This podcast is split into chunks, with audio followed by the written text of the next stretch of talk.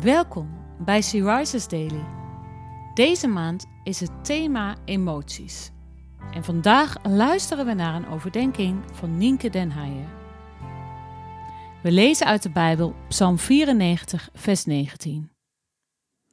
Toen ik door zorgen werd overstelpt, was uw troost de vreugde van mijn ziel. Ik hoop dat je, nu je deze Bijbeltekst leest, automatisch terugdenkt aan een moment waar God jouw troost was. Hoe je te midden van alle zorgen Zijn nabijheid ervaren hebt en de vreugde vond bij Hem. Maar wat nou als dat niet zo is? Wat als je nu in een moeilijke, zorgelijke situatie zit, terwijl God heel ver weg voelt? God is een toevlucht, schrijft de dichter van Psalm 94 in het laatste vers. En God wil ook voor jou een toevlucht zijn. Je mag letterlijk naar Hem toe vluchten met al je zorgen.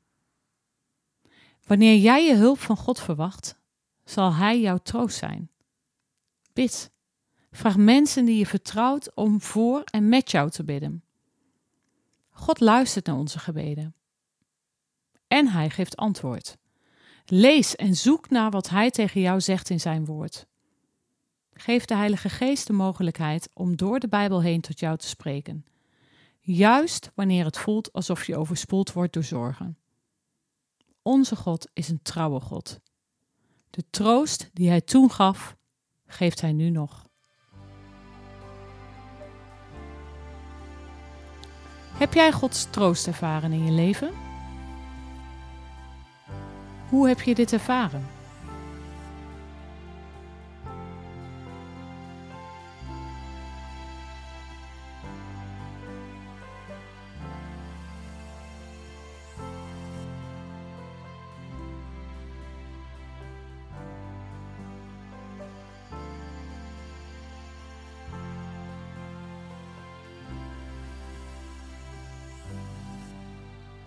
Zullen we samen bidden?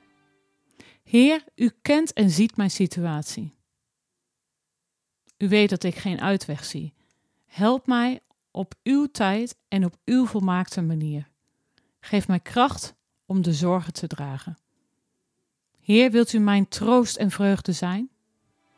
Amen. Je luisterde naar een podcast van Sea Rises. She Rises is een platform dat vrouwen wil bemoedigen en inspireren in hun relatie met God. Wij zijn ervan overtuigd dat het Gods verlangen is dat alle vrouwen over de hele wereld Hem leren kennen. Kijk op www.she-rises.nl voor meer informatie.